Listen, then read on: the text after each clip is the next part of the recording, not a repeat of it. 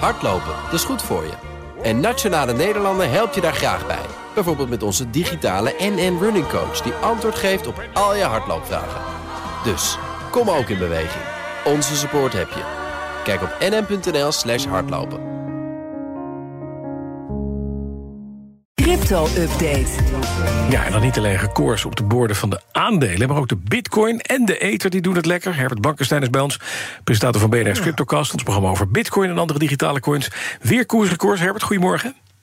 Hey, ja, uh, koersrecords voor de bitcoin en de ether inderdaad. Van bitcoin zou je het eigenlijk niet zeggen. Die staat al ruim een week geparkeerd in de buurt van de 52.000 dollar. Maar eergisteren was er heel even een piekje boven de 53.000. En dat was weer een nieuwe grens. Niet zo heel belangrijk, maar wel leuk. Want boven die 53.000 stond bitcoin voor het laatst op 3 december 2021. Hm. En dat was nog geen vier weken na het all-time high van, daar heb je hem, van sorry, 69.000 dollar op 8 november. Ja. Nou, de Ether die is eh, stilletjes naar de 3000 dollar geslopen. Dat komt door verwachtingen van een Ether ETF.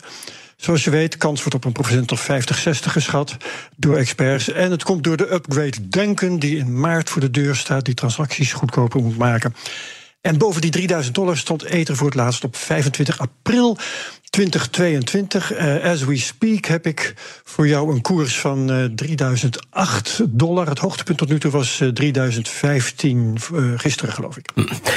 Dan gaan we even naar iets anders, want er is een teken van leven van SBF, Sam Bankman-Fried. Sam Bankman-Fried, ja. inmiddels in de bak.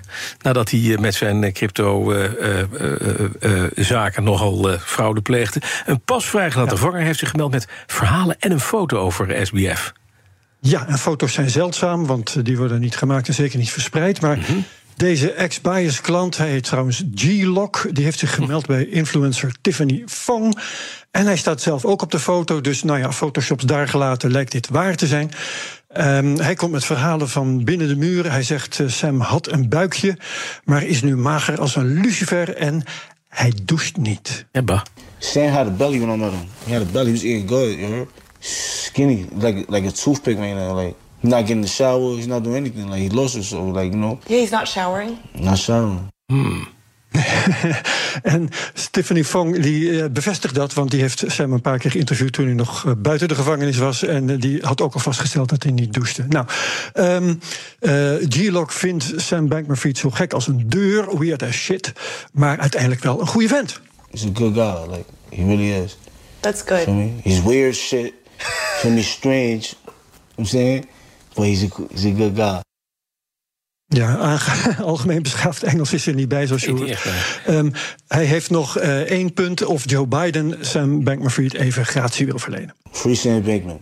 This is Sam Bankman campaign. Joe Biden, you know what's up. Before you leave, pardon my son, you know? Like, for real. Dat is dus G-Lock. En uh, vergeet niet, Sam Bankman-Fried, we, zijn nog nieuws, we hebben nog nieuws te goed. Mm -hmm. Hij is nog steeds in afwachting van zijn strafmaat. Ja. En die horen we in maart. Ja, en dan uh, uh, nog eventjes met over MicroStrategy. Hè? Michael Saylor, die gaat lekker. Ja, die gaat lekker. Die staat een miljard of vier in de plus. Hm. En hij laat zich interviewen door Bloomberg. Uh, MicroStrategy, zoals je weet, begon in 2020 met kopen. Ging daarmee door toen Bitcoin op zijn top was in 2021. Ja, en toen de bear market toesloeg in 2022, toen was Michael Saylor de loser. Ja. Want, uh, schreef het FD bijvoorbeeld, hij had uh, miljarden van zijn bedrijf vergokt. Maar Saylor bleef opgewekt kopen, ook al stond hij dan een paar miljard in de min toen. En achteraf bezien, ja, heeft hij lekker in de uitverkoop gekocht, nietwaar? Ja, en nu dus een mooie winst, maar hij wil die winst niet nemen, hij blijft er gewoon in. Eh, klopt, want ja, de beleggerswijsheid zegt dat je vroeg of laat naar een exit moet. Hè, dat kennen we uh, van visies en zo. Maar Saylor die zegt tegen Bloomberg: jongens, Bitcoin is, is de exit. Oh. En waarom zou ik een sterke munt inruilen voor een zwakke? En Saylor zegt: ik ben van plan te blijven kopen, al is het op de top. Well, I've famously said I'm going to be buying the top forever.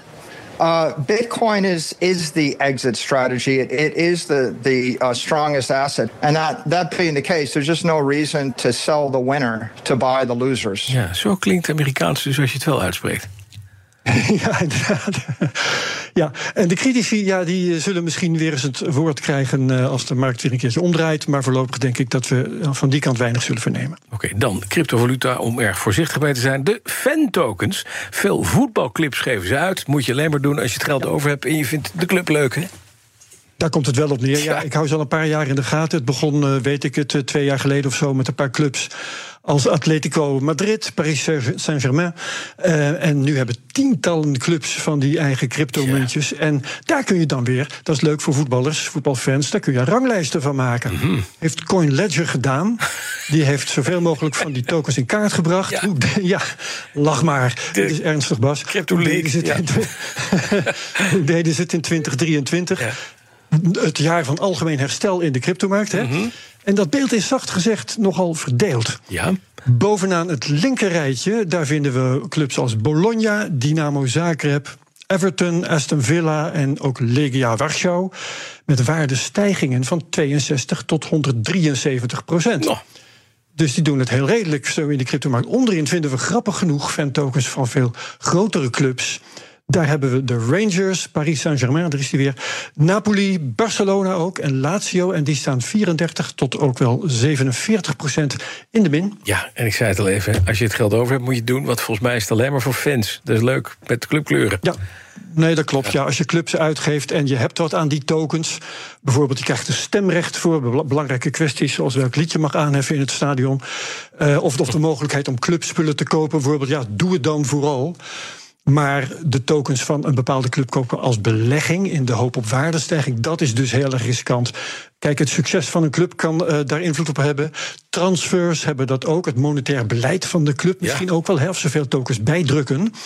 Uh, wat ze doen of niet doen met het resultaat van die stemmingen onder tokenhouders, is allemaal onvoorspelbaar en uh, daar heb je geen invloed op als fan. Hm. Dus volg vooral je supporters hard, maar maak er geen belegging van. Nee, precies. Koop een shirtje, dan kan je het nog laten zien.